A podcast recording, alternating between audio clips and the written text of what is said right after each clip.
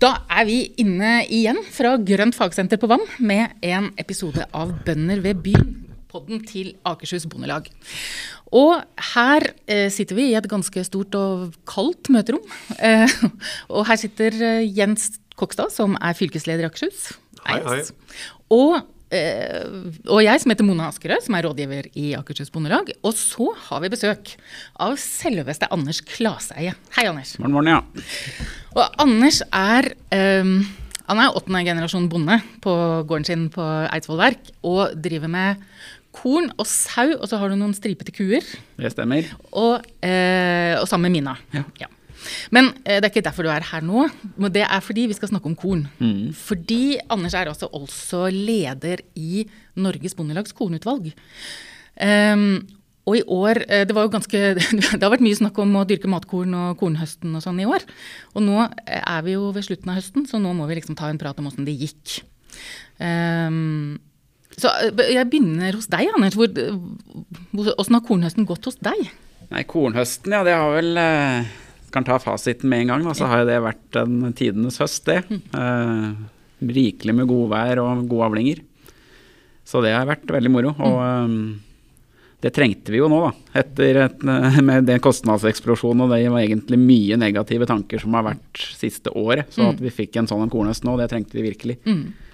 Når du sier at det har vært bra hjemme hos deg, hva, hva betyr det? Hvor mye korn tar du, liksom? Nei, det er jo et godt spørsmål. Eh, Det som er eh, Jeg hadde jo satsa jo litt tungt på høstkorn i fjor høst, da. Så jeg hadde ganske mye høstveite. Og den blei jo ikke Noen høstveite kan jo egentlig forvente ganske bra avlinger, da. Men det blei bare sånn middels i år, da. Og da snakker vi jo ja, rett i underkant av 600 kg på målet. Eh, mens vårkornet blei jo da i år bedre enn høstkornet. Og det er jo, når en får sånne snittall på vårkornet, så er det jo Da begynner det å bli bra å være kornbonde. da. Snittet i da begynner det å bli mye kønn å håndtere, kan du si. Du merker liksom at det er en sjau, da. Um, Snittavlinga i Norge er vel sånn 450 kilo over år, da. Eller litt under det òg. Ja. Og det er klart da Med samme innsatsfaktorer og får bra vær og liksom får ut det, så blir jo det bra. Så du Mm. fikk 30 bedre enn eh, snittet? Ja. Det må jo sies å være greit. ja, ja, ja. Det er helt sikkert. Jens, du har jo også noe korn. Ja. Da Har det vært, er det samme historien hjemme hos deg? Ja, jeg har hatt eh, rekordavling i år på egentlig både høstkorn og Jeg hadde bare veite, vårveite og, og høstveite. Så det var eh, rekordavling og mat. Og, så det blei veldig bra i år. Eh, og det tror jeg er ganske gjengs på hele Østlandet, egentlig. At det har vært et veldig godt kornår. Og litt eh, Det var nede i Østfold snart. Men her er det jo det, store bildet er at det er et veldig godt år. Og det har jo vært lettvint hele tida med vær og ting har uh, ordna seg. Så er det jo det med høstveiten blir jo litt det fordi at du forventer jo at høstveiten skal være mye bedre enn vårkornet. Så det er jo egentlig ikke dårlige høstkornavlinger heller. Det er bare at det rare i år er at det vårkornet er egentlig blitt bedre for de aller fleste. Det var motsatt, liksom? Egentlig motsatt.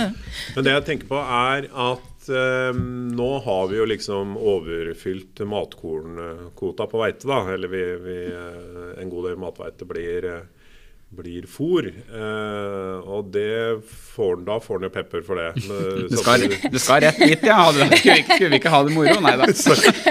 nei, men samtidig, samtidig som jo Nei, men jeg tenker jo at det er jo det fine med vårt system. At du kan jo som bonde satse på matkorn Ja, ja. og få matkornpris, sjøl om det i noen veldig gode år som i år blir eh, en del som må nedskrives eh, og, og brukes til fôr. Og det blir jo et flott fôr. Ja.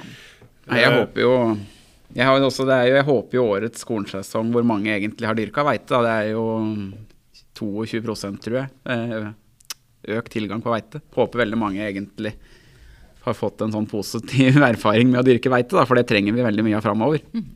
fordi at det er òg en veldig etterspurt råvare i kraftfôret. Ja. Men hva veit vi om det egentlig? Altså, nå har det vært, nå er, denne sesongen er jo knapt over, egentlig. Men, men veit vi noe om f.eks. Eh, om det er bestilt mye såkorn, om det er gjødselbestillingene har gått varme? Veit vi noen ting sånt? Nei, det er jo det, også Foreløpig er jo også den tilgangen en prognose. Det er jo fortsatt sånn at mange har lagrer korn hjemme på gårda, og man veit jo ikke fasiten før alt korn er levert ut på nærmere våren igjen. Men øh, Og det med, høst, med såkornbestilling har det nok heller egentlig ingen som har ordentlig oversikt over, for det er jo flere aktører inne og selger såkorn. da. Mm. Um, ja. Men opplever dere altså dere er jo i bondemiljø. på en måte Opplever dere en sånn type optimisme, eller opplever dere, hører dere nå litt sånn andre toner enn enn i vår?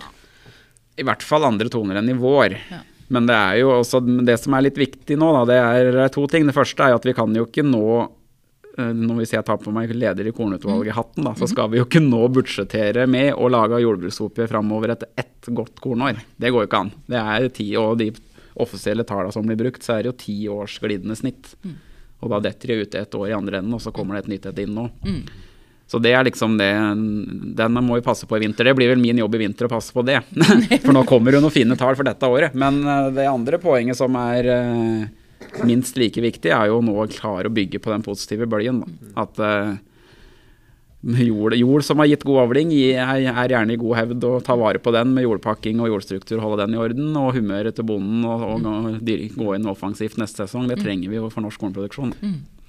Ja, men jeg, tenk, jeg tenker jo det har blitt et litt sånn pusterom for kornbonden. Det var som du sier veldig dårlig stemning og usikkerhet knytta til om det lønte seg å lage matkorn. Og, og det er klart at når det aller meste veiten nå, eh, ja, eller det skal jeg ikke si hvor stor del, men veldig mye av veiten, både høstveiten og vårveiten har blitt godt til mat, så er jo det god økonomi for bonden. Det må vi jo kunne si. Og da får vi jo håpe at han har eh, Dette er jo litt sånn psykologi òg. At du har, eh, har eh, fått en bedre stemning, og at det kjøpes gjødsel og, og såkorn og satses videre. Og at en del av de som kanskje telte på knappa og skulle gi seg, nå fortsetter. Det er i hvert fall mitt håp. Ja. At vi, eh, jeg syns jo ikke vi skal bli så mange færre.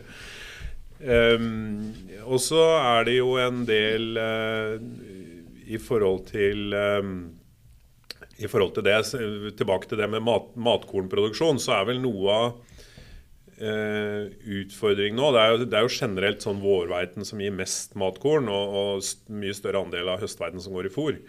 Eh, så det å få folk til å satse på vårveite har jo vist seg vanskeligere. Altså det, det har vel både med at vi har blitt veldig mye flinkere til å dyrke bygg.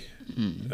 og vi har fått gode sorter som gjør at du, vi tar store avlinger med bygg. Og, og det er en veldig mye mer lettvint eh, sort å dyrke. Eh, så vi, vi tenderer vel til at vi kanskje må tenke på litt sikt om må, at det må bli forholdsvis bedre å dyrke vårveite, og forhåpentligvis at vi blir flinkere til det, kanskje. Enn, eh, så, så at vi kan ha samme reisa der som bygg. Ja, Nei, altså er det jo og Der har vi jo det her matpartnerskapet for matkorn, da, som er en satsing i, som Bondelaget og Kornutvalget egentlig, som jeg leder, og var med og liksom dro i gang som et initiativ, hvor vi samler aktører fra hele bransjen, og helt ifra bonden og helt ut i butikkjedene er faktisk med der. Hvor målet er um, å, å forbedre og forlenge matveiteeventyret. da. Og det, det temaet som Jens tok opp der, er en veldig viktig del av det. Og da er det jo Én ting er jo å få bonden til å dyrke noenlunde riktig, og nå har jo det endra seg litt, så da er det jo den klasse tre vårveite da, som man vil ha litt mer av nå. Men så er det jo òg å forbedre de andre ledda, og kunne blande og optimalisere optimalt. Eh, lagre korn over år tror jeg vi er avhengig av i Norge, med varierende vær. At vi nå, sånn som i år, når vi har et bra kornår, da, at vi har, tar oss råd til å lagre noe av det og kan blande inn neste år, hvis det blir et dårligere kornår da. Men hvis man holder på med å utvikle Det er egentlig bedre mathvetesorter, er det ikke det? Som er, eller Jo, ja, det er en del av det. Det er en del av det, det ja, for, for hva er liksom hva er det, ja, hva er det viktigste? Eller hva er det, hvor, hvor setter, må man sette inn støtet for å få Nei, dyrka mer mathvete i Norge, da? Ja, nei, altså jeg, Vi kan ikke sette inn støtet på ett sted, da, for det er en blanding. Ja. Og vi har jo den øh, Vi vet ikke hvor teknisk vi skal være, men litt kan vi jo være. Vi har jo Mirakel, da, som var en sort som kom for noen år siden, i klasse 1, da, som liksom er den best betalte sorten, og liksom best proteinkvalitet. Og den sorten blei jo ganske bra, og bra pris, og plutselig skulle, ville jo alle dyrke Mirakel. Og dermed så blei det overflod av Mirakel, ikke sant. Som, og, dermed, og, og da ble det plutselig mangel på hermetegn dårligere veite. da. Nå er det egentlig ikke dårlig og bra, men uh, med egentlig sterk og svak kvalitet. da. Sånn vi, ja, så vi kan ikke si at vi skal ha gå all in på én type. Det er egentlig å finne den bredden. Og i år dette kommer jeg sikkert nesten til å angre på at jeg sier, for det er ikke så mange som har fått det med seg ennå. Men det står, i prognosa fra Felleskjøpet nå, så står det jo faktisk at akkurat i år er det jo mangel på veite med svak og lav proteinprosent. Så det er kanskje det er det vi må importere for å få blanda inn riktig mjølmiks. Yes. Som er liksom helt omvendt av tidligere år. da. Og det viser jo at vi at dette er Vi driver jo ut, Korndyrking er jo utendørsidrett, og det er været og sånn som påvirker. Og at vi er helt nødt til å ha et breit utvalg av kornsiloer å blande ifra da, for å få laga det mjølet. Ja. Og det Men- burde vi jo klart i Norge. da. Vi burde jo kunne ha en silo nå med svak veite på lager, i stedet for å importere. Og det håper jeg er liksom dit vi kommer. Det høres jo kjemperart ut at det ikke fins når det er det som vanligvis er mest. Ja. Men det jeg tenker på, er eh, det der med, med at det er for mye mirakel, har jo vært situasjonen et par år nå, vel. Eh, Jeg dyrka mirakel sjøl, og det gikk veldig fint. Så det, Bortsett fra at han la seg litt, men vi greide å berge det. Fikk suge det inn. Vi fikk slurpa det i oss. Men, eh, men er det ikke mulig å tenke seg Vi er jo ikke noe for kontraktsproduksjon, men, men at, at at kornkjøperen, som i stor grad òg selger såkorn, eh, hadde, hadde styrt eh, noe mer, eh, mer på sort ut til bonden nå? At alle hadde tjent på det med at vi fikk, kunne, kunne ha en større matandel? Har du noen tanker rundt det? Ja, jeg er jo Altså, det er jo ikke noe svart-hvitt-svar her, da, men jeg liker egentlig ikke den inngangen. Jeg, jeg tror egentlig suksesshistoria for norsk kornproduksjon at hvis vi skal klare det For vi er jo av de landa i verden som driver og dyrker korn under vanskeligst forhold. Da. At den egentlig er avhengig av at den enkelte bonde kan tilpasse det som funker best på sin gård. og at ja, og med mottaksplikt og liksom et system som tar imot varen da, og gjør det beste ut av det i den enden. Jeg tror egentlig det er en suksesshistorie som òg blir viktig framover. Da. Um, og at en kan styre det litt med pris. Og at fellesskapet med felleskjøp som markedsregulator da, kan ha noen ordninger med litt overlagring mellom år og litt sånn Det er, det er mange som skriker mye om, eh, om mye problemer i det systemet, men jeg tror det er eh, alternativet er verre, da. Jeg tror det egentlig er et bra system. Nå har jo det med beredskapslagring vært veldig tema i, i vår, med, altså politisk med regjeringa. Og en har jo sagt at det skal en jobbe for. Og det, året i år viser vel at det kunne vært en idé å, å hatt på plass en, en mulighet for å kjøre egentlig både matkorn og fòrkorn inn på et beredskapslager når vi har et så godt år. Har du noen tanker om eh, hvordan det hva skal vi gjøre med beredskapslager? Hva, hva skal vi tenke der? Skal vi lagre det på hver gård, eller skal kornkjøperen eh, få midler til å bygge opp eh, store lager? Eller eh, skal vi gjøre begge deler, eller eh, Nei, det er ja. Det er nok litt kan vi få et svar på det? Ja da, det skal du få. det er vel litt begge deler der òg, men så er det jo Det er nok eh, hvor mye han skal blande det liksom kommersielle lageret om det han trenger over år, da, og beredskapslager. I mitt hue så hadde det ideelle vært å blande av dette mest mulig.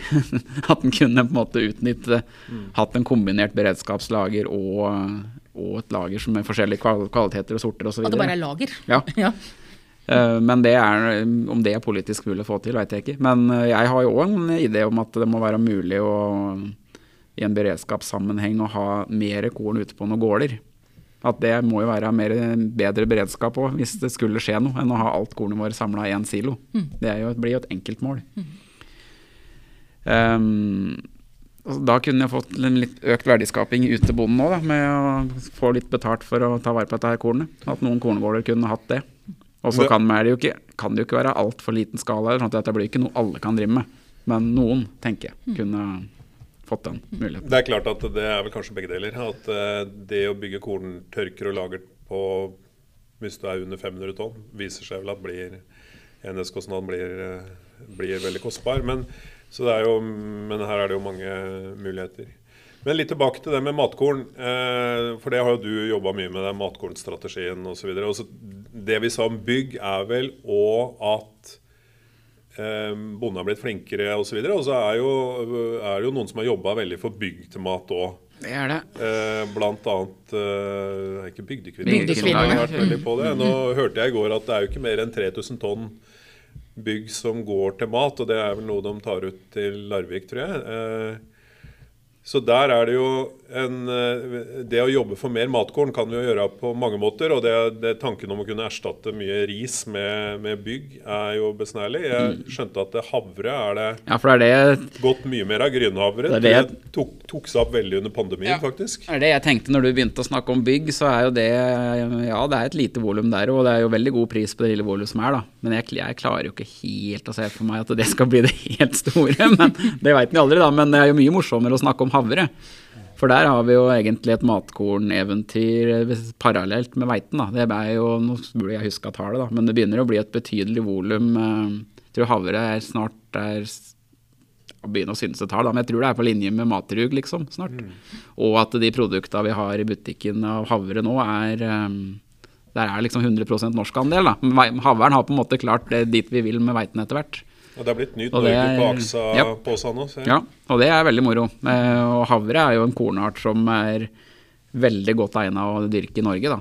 Eh, På en måte litt hardfør og tåler litt forskjellig vær. Og, og du kan dyrke den Nå sier jeg jo jeg er på besøk hos Akershus på hjemmebane her, men vi driver jo med korn i, i Norge i dårligere eller mer vanskelige områder enn Akershus òg. Og da er jo havre en sort som er, er veldig interessant. da. Så det er eh, at vi må ikke glemme havren når vi snakker om matkorn. Nei, eh, men er, eh, Dette skulle sikkert jeg også visst, men hvor, altså hvis vi liksom ser korndyrkinga i Norge, eh, hvor stor del er liksom havre, hvor stor del er hvete?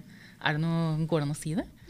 Ja, det burde jeg visst òg, det har jeg nok ikke helt svaret på eksakt. Men om havre er 20 eller noe? Eller? Nei, jeg vet, dette veit vi ikke. Det er- dag da må vi begynne å det google, da, men det kan vi ikke gjøre når vi sitter her og Ikke spiller inn underveis, podkast. Men det er helt lov å ikke vite. Men det er jo bygg, bygg er den største, og så er veite på andre, og så havre, da. Mm, nettopp. Eh, bare for å komme inn på, Nå har vi snakka masse om matkorn. og vi, vi håper som sagt at vi, vi greier å holde den gode trenden at, eh, at bonden vil dyrke matkorn. Og så tror jeg vel bonden Det er mitt inntrykk at bonden har jo en stolthet knytta til å dyrke matkorn, litt uavhengig av år og priser og sånn. Og det, det tenker jeg jo er en god ting, det òg. Og de som er dyktige på det, bør, bør jo gjøre det. Og så er det vår jobb å jobbe for å legge til rette Ja. for at de fortsetter med det. Eh, Men vi har jo, det vi jobber veldig mye med i Akershus nå, er jo, er jo den eh, vedtaksplanen for Oslofjorden. Og, og ja, miljøkrav som kommer nå plutselig på et veldig mye større areal i Akershus, Ja. og hele Østfold omtrent. eh, At vi alt under marin grense vil jo nå få eh, beskrankninger på hva de kan gjøre på jorda si. Og nå er vi jo ikke helt i mål, men jeg, vi frykter jo at den 60-40-regelen um, ja, det er i hvert fall de signalene vi får. Nå kommer jo I begynnelsen av desember nå så får vi, har vi hatt tre høringer eh, hvor vi har eh, krangla fælt. Men, men der er jo i forhold til matkorn og særlig høstveite, da, så, så vil jo enkelte bønder kunne slite med det. Med at en, eh, en ikke kan eh, jordarbeide nevnverdig til, eh, til høstveite. Der, der en kanskje har Noen gårder har jo satsa veldig på det, og kanskje dyrka høstveite år etter år og, og tatt størst avlinger på det. Eh, og så er det jo gjort noen beregninger på hvor mye, mye mindre matproduksjon vil eh, gå ned. Men er det med redusert jordarbeiding det er jo et sånt stort tema som handler om teknikk og handler om eh, alt mulig rart, og hvor vi Ja, det er mange forhold rundt det. Eh, har du noen tanker rundt hele problemstillingen redusert jordarbeiding? Oslofjorden? For å være litt eh, sånn RMP og miljøkrav? Nei, for det første da, så er det jo um, Dette er, jobber jo egentlig Akershus Bondelag med mer enn oss i Norges Bondelag, da, og gjør en veldig bra jobb på det temaet. Um, og jeg tenker at det viktigste er jo at vi gjør det vi kan for at de her måla med renere vann og økt matproduksjon, at de kan ikke bli for motstridende. Da. Vi må satse på de tiltakene som der vi kan både bevare høy matproduksjon og ta vare på vannet. Men det er klart krav blir krav om eh, at du ikke kan høst eller jordarbeide eller pløye da, alt arealet ditt på høsten. Det har jo en En ting er at du tar ned avlinga, eh, kan gjøre, men det har nok òg en sånn effekt mot struktur og investering. At det krever det krever annet utstyr da, å klare å håndtere så mye av åkeren i stum på våren og samtidig opp og klare avlinga. Og det på en måte gagner de litt, som er litt store fra før da, og har, har kapasitet til det spesialutstyret. Så det ser jeg på som en litt trussel med en sånn 60-40-regel. Det er ikke sikkert det er krise om de litt mindre innimellom hadde pløyd større, stor, større andel av arealet sitt, men det går jo ikke an å få til det heller. Så det er nok den strukturbiten og, og, og kostnaden på investering som er den største faren på kort sikt jeg ser. Forklar 60-40-regelen med veldig korte ord. Nei, Det er at du ikke kan jordarbeide mer enn 40% om høsten. Ja. Eh, det, og det er jo en regel vi hadde tidligere, før, eh, før eh, Slagsvold Vedum vel eh, endra den i sin tid. Så, så det, det, er jo noe mange bønder i Akershus eh, kjenner igjen. I hvert fall som Ja, vi hadde den i noen av, noen av vannområdene. Ja. Men nei, jeg er enig med en, Anders at det er jo Vi har jo det i RMP Nå blir vi litt tekniske, men det får vi finne oss i. I RMP-ordningen i dag så har vi jo at du, du får godtgjort for f.eks. Å, å legge ut slanger og spre gjødsel med nedfeller osv., som jo, som jo uh, minker utslipp til luft. Uh, og det går an å tenke seg å bare videreføre over til utslipp til vann. At du har uh, seksjonsspredning på gjødselspreder, uh, altså GPS-utstyr og N-sensor og alt mulig hvor du kan putte på penger. Men da tror jeg Anders har veldig rett i at det vil være strukturdrivende. For da vil du måtte være ganske stor før du allikevel kan investere i det utstyret og forsvare det. Og da kan du tenke seg ja, da kan du bare da kan du leie inn det. Men det er klart hvis du skal leie inn folk til å så, sprøyte, gjødsle og treske, da, da går det ikke mange år Nei. før den jorda blir leid ut. Og da mister du jo egentlig den litt sånn kjepphest som jeg har òg, litt at vi i Norge for å rekke å gjøre alt på våren og høsten, så er vi avhengig av å være mange bønder og mange traktorer. Eh, og da hvis en skal begynne å leies inn på alt arealet, så mister jo på en måte den effekten litt. Men jeg tror jo egentlig den, den liksom faren med det med struktur og investeringer begynner lenge før du kommer til en sensor. Jeg tror det begynner allerede på at mange har en plog og en slådd av i harv, og har på en måte basert på at de klarer den på en tradisjonell måte og en gammel såmaskin. og mm, ganske mye av kornvolumet enda er, drives på sånne gårder. Mens med en sånn 60-40-regel, da, som er helt absolutt, så må jo også de begynne å jordarbeide nå på våren. Om det går opp med annen jobb utenom og 17. mai-feiring med unga osv. Det, er liksom, det blir litt sånn annen struktur da, på det hele. Så det blir litt spennende å se effekten. Men så tror jeg nok den, den kommer, så det må vi jeg, kommer jo også sikkert til å bli skutt seinere, men jeg tror vi, vi må jo redde Oslofjorden også. Det, er ikke bare, det er ikke bare negativt å få de her miljøkravene, det er litt positivt òg. Det er litt med imaget til, eh, til landbruket i, i disse befolkningsnære områdene. Nei, og, og som vi snakka om, så har jo, er vi jo ikke uvant med det. Og, og vi, vi har jo gjort mye allerede. Og det, det er jo vesentlig mer redusert jordarbeiding. Ja, det, ja. og det er mye mindre pløying til vårkorn enn det Ja, var. Eh, og og der, der skal vi nok bli flinkere, og det er jo eh, bra for bonden å ikke miste matjorda si. Ja, så, det det. så vi må gjøre en jobb. Men det er klart at det å det nitrogenet som forsvinner i dreneringsvannet og, og sånn til eh, Oslofjorden, er jo resultat av gjødsel på avveie, det òg. Ja. Så, så det at vi blir flinkere med å spre husdyrgjødsla i sesong, at vi blir flinkere med å eh, Og det er klart at da er jo teknikk et hjelpemiddel her, da. Men, men vi er jo Vi gjør jo mye om og skal gjøre mer med delgjødsling. At vi gjødsler mindre i våronna og gjødsler etter behov utover sesongen osv. Så, videre. så så det er sammensatt. Men jeg tenker at hovedproblemet med 60-40-regelen er at den enkelte bonde kan ikke gjøre det som er best på sin gård. er. Eh, og har du en jordart nord i, i fylket vårt, så er det, kan det være andre utfordringer enn om du driver sør i fylket, Mm. hvor, hvor du kanskje har lengre sesong og, og mer muligheter, og kan så høstveite direkte, så den osv. Så, videre. så det, Nei, så det er alle, alle beskrankninger vil gi mindre matproduksjon i sum. Eh, og det er vel den vektinga, vektinga mellom, eh, mellom eh, matproduksjon og, og utslipp eh, som en alltid vil bli en balansekunst. Matproduksjon vil gi utslipp i større eller mindre grad. Eh, og det føler jeg vi sliter litt med med, med miljøfolka inn. Og I en ideell verden så burde, burde vi jo ha klart det her uten en sånn rigid 60-40-regel. Men det Burde kan, klart det sjøl, mener du? liksom? Ja, ja. Med, og med positive insentiver, ikke minst. At, for det er jo tilskudd nå for å gjøre en del av de her tinga. Uh, og et, et annet stikkord som vi ikke har nevnt ennå, er dette med fangvekster òg, som er veldig aktuelt for at du sår en, en, et gras eller en annen art sammen med kornet, da, som er med og tar opp næring utover høsten.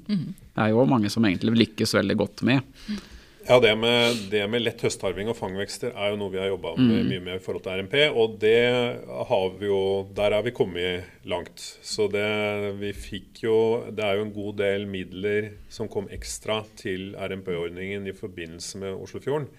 Hvor Viken fikk 40 av de 70 millionene, så vidt jeg husker. Så, så det vil jo bli mer penger på, på de tinga. Og og det er klart at det å holde og ha vekster i hele vekstsesongen eh, som fanger eh, CO2 og binder jorda, og kanskje òg bidrar med jordstruktur, er en, er en god ting. Mm. Jeg har jo drevet litt med Prøvd meg fram litt med fangvekster de siste åra. Og tror jeg etablerer det på den aller enkleste måten det går an å gjøre det. Og det funker egentlig greit. Jeg blander med blande med litt flerårig raigra sammen med startgjødsla, bare.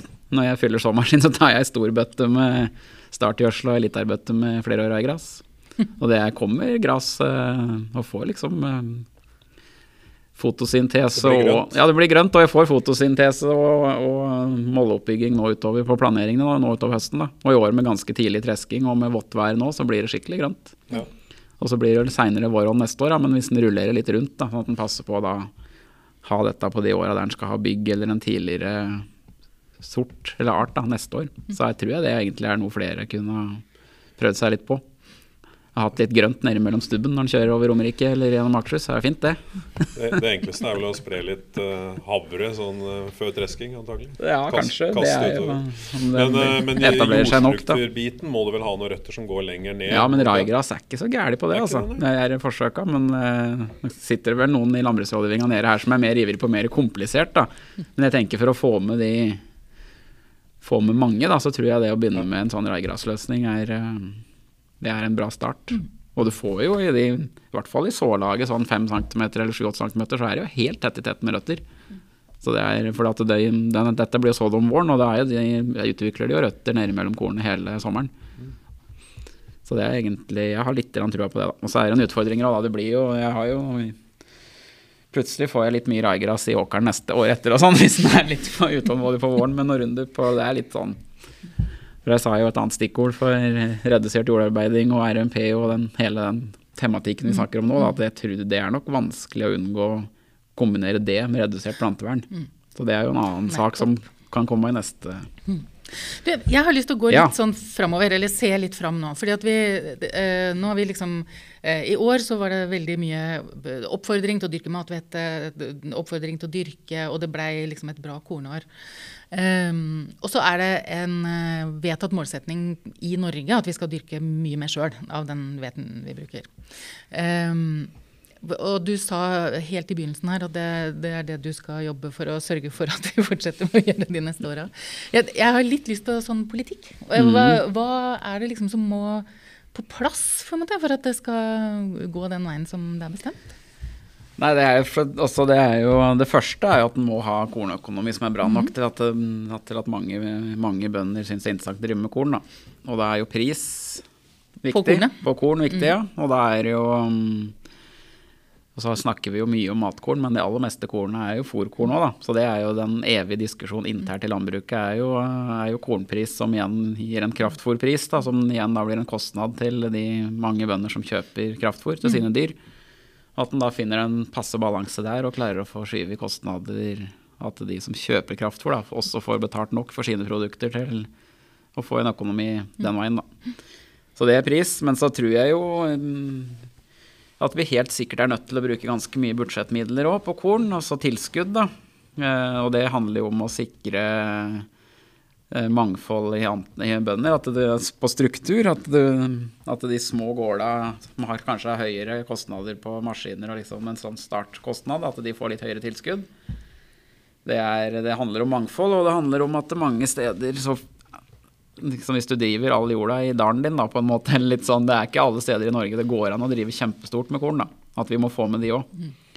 Og så tror jeg vi må, at vi må se på tilskudd på skiftestørrelse. Et sånn type småskiftetilskudd. Det er ganske mye areal, og det kjenner jeg godt til sjøl, som driver oppe i Eidsvoll med innimellom skaue og beikanter. At det er ganske mye areal på små jorder òg. At en sørger for at det lønner seg å svinge innom dem. Og så er det den tredje, den tredje parameteret liksom på tilskudd. Det er litt på vekstskifte og stimulere til uh, at vi dyrker riktige ting på riktig sted. Og Der var jo Jens innom i stad på kontrakt, mm. men jeg tror det må være mulig å styre litt av det her via tilskuddsordninger i jordbruksoppgjøret. At vi f.eks. kunne stimulert til mer åkerbønder, oljevekster og sånn inn i vekstskiftet med veite da, i de gode områdene. Fått kanskje et eget tilskudd for å ta ned risikoen på den typen dyrking. At en da frigjorde arealer til å få kunne ha mer bygg- og havrearealer i mer marginale kornområder. Da. For det er jo Vi har mista veldig mye kornareal siden det var på topp på, i ja, helt i overgangen mellom 80- og 90-tallet var kornarealet på topp. Og det har jo blitt borte 700 000-800 000 dekar med kornareal siden da. Og hvis vi skal klare måla med økt norsk matproduksjon og økt selvforsyning, da, så må en del av det arealet tilbake igjen til kornareal. Mm. Tror jeg, da. Mm. På sikt. Mm. Og at vi da landet Norge da, må ta seg råd til det, med å stimulere til at noe mer areal tas opp igjen. Det tror jeg er jobben framover. Mm. Et, kornet blir jo på en måte litt sånn grunnleggende matvare, egentlig. Ja, det er det. Jeg tenkte på det, det, det ble, det ble liksom oppfordra til å dyrke matkorn i vår, men det var ingen som oppfordra til å dyrke melk av. Nei, jo, det var, nok, det var jo med det òg. Mjølk er jo den andre store bjærebjelken. Men, eh, men, det er jo sånn at Graset og kornet er på en måte det som er fotosynteseutviklinga, som er, liksom er, landbruket. Og sammen med grønnsaker og poteter, må nevne det òg, siden jeg er i Akershus. Men det er, på en måte, det er jo basisen for å klare sjølforsyninga. Mm. Og så er jo husdyra er jo, er på en måte verktøyet mm. som foredler de her produkta. Mm.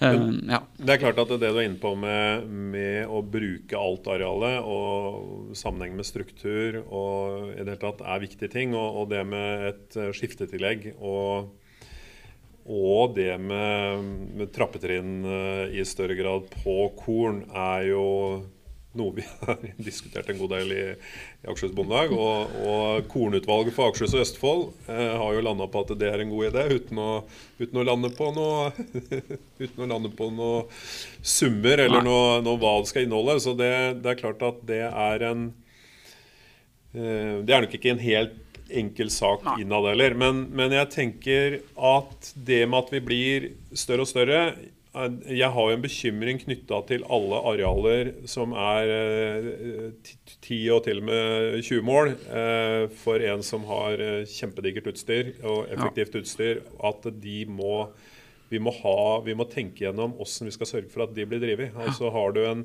Veldig mange gårder jo, kan ha god arrondering og store, gode skifter, men så har de jo gjerne med noen jorder oppi noen skaukruller som er dyrka på 10-15-20 mål. Og det, jeg ser jo at det, det, er ikke alt areal som går ut av kornproduksjon som går til gras. En del av det går rett og slett helt ut til uh, skau og, mm, mm. og, og, sånn. Sånn at vi, vi, må tenke, tenke, litt på det, uh, samtidig som vi selvsagt jobber videre med høye avlinger. Og det er klart at kommer veldig mye av tilskuddene på areal òg, så ser vi jo at det, den enkleste måten å dyrke mer korn, er jo å øke kornprisen. Det, det, det er det beste stimulien. Jo mer del av økonomien som kommer på areal, gir vi jo forholdsvis mindre stimuli til å, til å ta høye avlinger. Ja, Men vi er ganske langt unna nå, med den kornprisen som er blitt nå, da. Så er vi ganske langt unna at det ikke lønner seg å satse på høyest mulig avling. Så den, jeg, den trusselen tror ikke jeg ligger der nå. Men litt mer om det med struktur, da.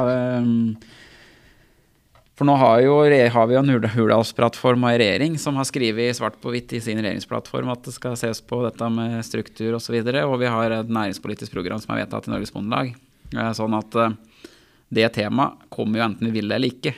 Eh, så nå er det vel egentlig jobben framover nå i vinter blir jo å få dette her da vet du da, få, se om det er mulig å få til et system som kan virke. Um, og Du og jeg skal jo på lederkonferanse i Norges Bondelag nå seinere i uka, Jens. Og der blir det jo en presentasjon fra ei sånn Fel fra Bondelaget sin representant da, i ei gruppe som staten har satt ned, som ser på det her. Så det blir spennende å se åssen det arbeidet går, og så må vi påvirke det. For det er jo ikke enkelt. Og bonden er jo på godt og vondt flink til å tilpasse seg. Og det er ikke enkelt da å være stat og prøve å passe, følge opp det her. Nei, jeg har fått en rolle i den refer... Ja, det har det, ja. Struktur. ja. Men det er ikke i utvalget med referansegruppen. Ja, riktig. Så det blir, eh, det blir spennende åssen eh, vi løser det. Og det er jo Vi ser jo det i Akershus at vi har jo fått noen kjempestore på korn. Eh, og som er drivende dyktige bønder. Ja, og som driver veldig godt med vekstskifte. Ja. Og, og, kan jo da utnytte teknologi osv. Og, så og vi må ikke glemme at mange har jo hatt Mange av oss som driver eh, aktivt i dag, leier jo mye jord. Og det, det er jo ikke ut, utvetydig negativt. Så det blir mer en sånn en, en, god balansegang der som gir at bønder kan satse og investere, samtidig som vi ikke blir altfor få, da, og at hele arealet blir dyrka. Og da trenger vi nok noen insentiver til det, på en eller annen måte. Og det er jo den litt vanskelige pedagogiske øvelsen er jo at så fort en begynner å snakke om struktur og trappetrinn, og særlig hvis en begynner å snakke om tak, så tar jo de store produsentene det som en trussel. Men det mener jeg at det skal ikke være av det. Det er på noe De store flinke skal vi ha med.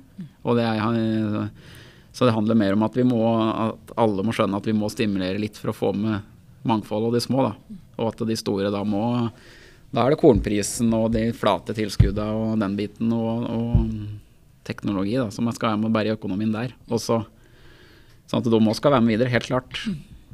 Du, Hva er Norges Bondelags kornutvalg sin jobb liksom, nå ja. framover?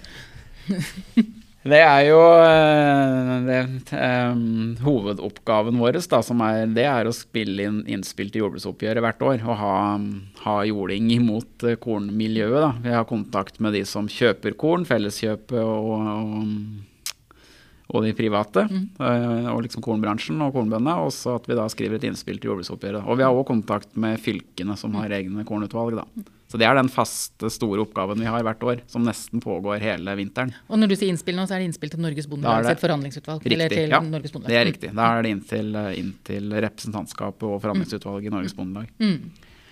Um, ellers så en, får vi òg saker som vi får beskjed om å behandle fra styret uh, og fra organisasjonen. Og nå, jo, nå, driver vi og utvikler eller skriver et utkast til en um, helhetlig korn- og korn- og proteinstrategi, mm. som det heter. Eh, som, er, som ble stemt i næringspolitisk program da, at Norges Bondelag skal utarbeide. Og den har vi gitt ifra oss nå. Og kommer nok på høring til fylkene, da. Som er et forsøk på å stille opp hva vi mener skal til av, eh, av politikk for å klare å øke proteinproduksjon og, og kornproduksjon. da. Og da snakker vi om protein som kan gå gjennom en tresker, da. Mm, ja, ja. For det er jo gras og kjøtt det er jo store proteinproduksjoner i norsk landbruk. Men liksom proteinvekster da, som går gjennom en tresker.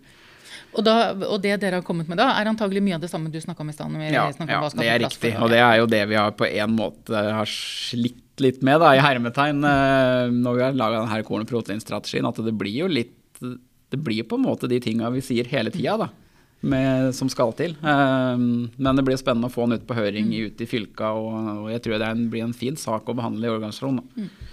Um, for det er jo en annen ting, litt av bakgrunnen som òg er vedtatt i næringspolitisk program, som er, er en viktig oppgave for oss framover, er at vi har jo, og Norges Bondelag har jo vedtatt et mål om å fase ut soya fra regnskogområder innen 2030. Og det kommer fort. Mm. Um, og, og, se på da, strategier for å klare økt selvforsyning i Norge, og, åssen vi skal gjøre det. da. Mm. Det er en, vi må begynne med den saken, sjøl om, selv om vi nå har fått, eh, og skal jo selvfølgelig ha mest fokus på, på økonomien til bonden og, og de mm. men vi må jo òg ta oss tid til å tenke noen litt lengre tanker. da. Mm. Nytter ikke bare å ta ett og ett år om gangen. Um, så hva skal inn i stedet for soya, liksom? Ja, det er, det riktig. det er riktig. Så da må, kua, må, vi tilbake til at kua mjølker 6,5 tonn og ikke 9 tonn, så ja. greier hun seg med 3 kilo bygg. Det er, ja, det, er. det, er det enkleste måten å løse det på. Da får vi problemet med klimaregnskap da, på de som regner ut det, kommer, på sin måte. Det kommer dårlig ut i klimakalkulatoren. Men det er jo, jeg tenker det med kompetanse har vi ikke snakka om. Eh, og i Akershus har vi jo eh, drevet med kornskolen. Mm. Som, og, og, og landbruksrådgivninga mm. sier jo, kornprogrammet ja, eh, med Østfold, um, at det med de som har kompetanse og har utdanning, de høster jo mer enn ja. de som ikke ja, har det. Og, og, det er kanskje ikke noe vi snakker så mye om. Uh, vi, vi, i hvert fall i, i Bondelaget vi jo, snakker jo mest om politikk, og det er jobben vår. Men, men vi må jo ikke glemme fag og, og det å um, agronomi og, og de tinga der. Eh, og Der er jo kornskolen eh, noe mm. vi er med på, som er litt svaret på det. Men, men har du noen tanker rundt eh, om vi skulle jobba videre med det, eller åssen vi skal eh, forholde oss til det, da, den, den sida av det? Ja, nei, det er eh, For det tenkte jeg òg på liksom, når jeg tenkte gjennom litt hva vi skulle snakke om på forhånd. At det der er et tema vi må Det er litt i egentlig forlengelsen av det gode kornåret nå, det da. At en må nå bygge på den optimisten framover, optimismen framover. Og at og det er veldig forskjell på hva folk tolker som et godt kornår. da. Han hører jo det når han liksom er i, litt rundt omkring. Noen jo, har jo knallår med 400 kg på målet, og andre må liksom opp i kanskje det dobbelte for å kalle det et knallår. Så vi har et veldig strekk i laget. Og det å, å kunne få treffe flere kornbønder med rådgivning og den kornskolen og kurs og liksom få løfta flere. For det er jo kornbøndene er jo i stor grad deltidsbønder da, som har andre jobber, andre utdanninger og andre ting. sånn at Kornproduksjon er på en måte en litt sånn hobby, eh, på en måte. Eh, men eh, det trenger ikke være noe negativt, det. Det kan være positivt, det. At den da offentlig tror jeg faktisk må stille opp med at det ikke er landbruksrådgivning heller, men at offentlig må ha et tilbud om en eller annen kompetanse som er bra, da, sånn at folk møter opp på det. Er det mulig å tenke seg at den hadde stimulert det på en eller annen måte gjennom noen ordninger, eller blir det for uh, ja, så vil jeg sært? ja, det er kanskje litt sært. Men klart du kan stimulere det via at, det, at, du kan få etablert noe sånn her tilbud som ikke koster all verden. da. Terskelen for å møte opp da vil være litt lavere. Men så tror jeg jo egentlig det bør jo være stimuli nok å, å høste, hvis du får til bedre avlinger og bedre agronomi. Egentlig. Absolutt. Men vi, vi, har jo hatt veldig fokus på Jeg, jeg syns ja. jo det. Uh, og det har, jeg, jeg, jeg liker jo å si, bare for å ta den, da Jeg mm. liker jo å tro at det virker. Og jeg, da. Ja. Vi hadde jo noen elendige kornår i, rundt 2010. Eller i hvert fall 11, 12 og 13. Og det var jo været, selvfølgelig. Men det var liksom da vi satte i gang med sånne kornprosjekter i Akershus og mange fylker. Og liksom hadde en veldig strategi om å få økt kompetanse og økt positivitet i næringa. Og det har jo vært egentlig mange bra kornår etter det. da. Jeg tror ikke det er bare været. altså. Nei, jeg, jeg, jeg tror, det er for lett. Og det er ikke bare sorter. og jeg, Vi snakka jo om bygg i stad. Uh, at jeg husker jo det når jeg var uh, i min ungdom, som jo begynner å bli noen år siden, så, så, var jo liksom det med bygg var jo ugreit. Ja. Så det var så vanskelig å få til bygg. og det i det tatt. Men jeg tror jo det handler om sorter, men det handler jo om at bonden har hatt mye mer fokus på kalking mm. og, og, og, drenering og, og gjøre ting. Altså, det er jo De ulike sortene har jo litt, eh, og gjødsling, litt ulike problematikk. og Der er jo bygget utsatt, særlig for både vann og, mm. og at det er for surt. Mm. Uh, så jeg tror du har helt rett. Og jeg, for å komme med et lite sleivspark til andre fylker, så tenker jeg jo at det kunne vært gjort en i anførselstegn kornskole for gras.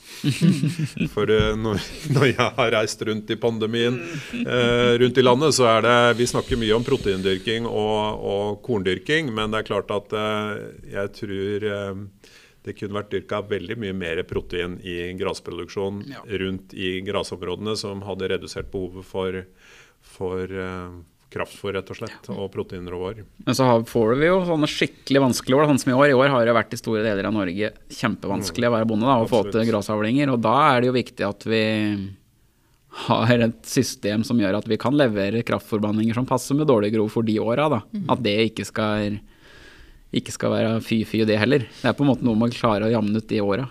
Nei, og så tenker jeg at Vi må jo nevne det, hvis det er noen andre utenfor Akershus som hører på dette, i vår eufori over et eh, rekordår, at det er jo store deler av landet som har hatt tidenes dårligste år. Ja, hvis vi ser på Vestlandet og, og nordover særlig, eller egentlig mye utenom Vestlandet, så, så er det jo eh, katastrofalt eh, med, med regn og umulig å høste gress. Mm. Det er jo dårlig avling og dårlig kvalitet i det hele tatt. så Samtidig som det viser jo at det er en stor grad av risikospredning ved å ha landbruk i hele landet. Ja. At vi har, eh, vi har jo sett at det har vært motsatt òg. At vi har slitt i, og at de har eh, greid å produsere mat mm. uh, i godt monn i andre mm. deler av landet. Men litt grann på det, tilbake til det med utdanning, så mm. driver vi jo akkurat og Vi i Akershus er jo ganske uenige med vedtaket i Norges Bondelag fra i vår, fra mars, om å gå for en såkalt to pluss to-ordning i landbruksutdanninga, som går på at vi skal mer over på en lærlingordning. Mm. Eh, og det skal vi ikke prate kjempemye om akkurat her, men jeg tenker at i, i, i forhold til at vi har deltidsbønder, i all hovedsak i Akershus, det må vi ikke glemme, så er jo det med f.eks. at vi mister voksenagronomen, Ja, nei, det er er jeg veldig bekymra for. Helt enig. Eh, at de som jo i stor grad har levebrødet sitt utafor gården, vil ikke ta fire år på, Nei, nei, på landbruksskolen i tillegg til en annen utdanning. Så jeg tror at eh, her har vi i Bondelaget en eh, jobb å gjøre framover. Hvor vi jo, som dere skjønner, kjemper litt internt. Og den, den saken har ikke vi akkurat hatt i kornutvalget. Det Men, skjønner men jeg. jeg hva skal jeg si, jeg er jo fra Akershus sjøl og er medlem i Akershus, så jeg, er jo, jeg hører jo at fylkeslaget mitt har samme inngang på saken som meg sjøl. Ja. jeg er glad for det. Så hvis kornutvalget hadde behandla den så. Nei, det, nei da. Du, vet du hva, Vi eh, begynner egentlig å gå litt sånn mot slutten. Er det noen temaer som vi har glemt å ta opp som vi burde ha hatt oppe? Jeg syns det var kjedelig. Ingen spurte om hva jeg driver med om dagen nå. Da spør vi om det. Men hva driver du med om dagen, Utenom å kjøre i barnehagen og Ja, ja, ja. Nei da, jeg er, øh, driver og drenerer, da. Og det tenker jeg flere om egentlig, i den grad det er mulig å få entreprenøren til å komme. da, For det er jo faktisk en del som vil drive med det om dagen. Men eh, at vi passer på nå når det er et, noen gode kornår innimellom. Da, at den, og da, eh, heldigvis så er det jo fortsatt sånn at et godt kornår gir litt mer penger i banken. da. At det, vi, og da bruker de penga til agronomiske tiltak, kalker og drenerer. Eh, Det tror jeg er viktig. Så mm, Altså her tenker jeg Det er flere ting som taler for både kalking og drenering, eh, for å nevne to ting. og det er jo at En ting er at kornprisen er høyere, men en annen ting er jo at gjødsel er så mye dyrere. Og Jeg snakka jo med Landbruksredninga nå at det er jo veldig til jordprøveuttaking og, og prøver av, av husdyrgjødsel Ja. ja. for nettopp å utnytte både husdyrgjødsla og, og gjødsle riktig. At det og med presisjonslandbruk og i det hele tatt så er jo i det store og det hele ikke morsomt at gjødsla blir dyr. Men, men det er klart at det legger jo, legger jo noe Det fører jo til en del ting som jo er bra òg. Ja, nei, altså at vi fortsetter da, å utvikle de her ordningene for drenering og hydrotekniske tiltak. Da, at um, det må lønne seg for bonden å gjøre det. Det tror jeg er viktig. Og det er jo klart, nå gikk jo grøftetilskuddet opp med 500 kroner målet, men prisen på flis og rør og diesel har gått opp mer. sånn at det er fort... Sjøl om tilskuddet har gått opp, da, så er det nok den dyreste dreneringa jeg har gjort hittil, er jo den jeg driver med nå. Sånn er det på en måte hele tida. Så ikke gå og vent på det. Det er jo egentlig bare å komme i gang. Ja, en må, en må det. Må holde jorda i hevd. Og så er jo det Er det jo noen sånne der er vi tilbake til det med struktur, så er det klart at mye i leiejord eh, er jo en utfordring i forhold til det å drenere, og i hvert fall større investeringer. Kalking kan du jo som regel Ja, gjøre på litt gjøre. kort horisont. Men det å sørge for smiltiltak, at du holder hydroteknikk i orden, og at jorda blir eh, drenert godt, er, er viktig. Og da må det nok stimuleres. Ja, og det må eh, grunneiere ansvarliggjøres. Det er jo et eget tema, det er sikkert en egen podkast Helt eh, klart. Men eh, eh, jeg drar det mot slutten jeg nå, for nå Skjønner du? hører Men eh, jeg har liksom fått ut av dette at flinke bønder og litt penger og stimulering, det kommer til å gjøre at kornet går bare oppover, oppover, oppover framover. Det Det gjør seg ikke sjøl. Det er i hvert fall det eneste som er sikkert. Er Men jeg, de trenger det. Norge, Landet Norge trenger det, da. Og at uh, regjeringa får med seg det. Ja. Mm. Det var siste ord. Og det var veldig bra siste ord. Det var Bønder i byen. Nei, unnskyld, det var det ikke. Det var Bønder ved byen. Podkasten til Akershus Bondelag. Og vi kommer straks tilbake med mer kompetanse. Ha det bra!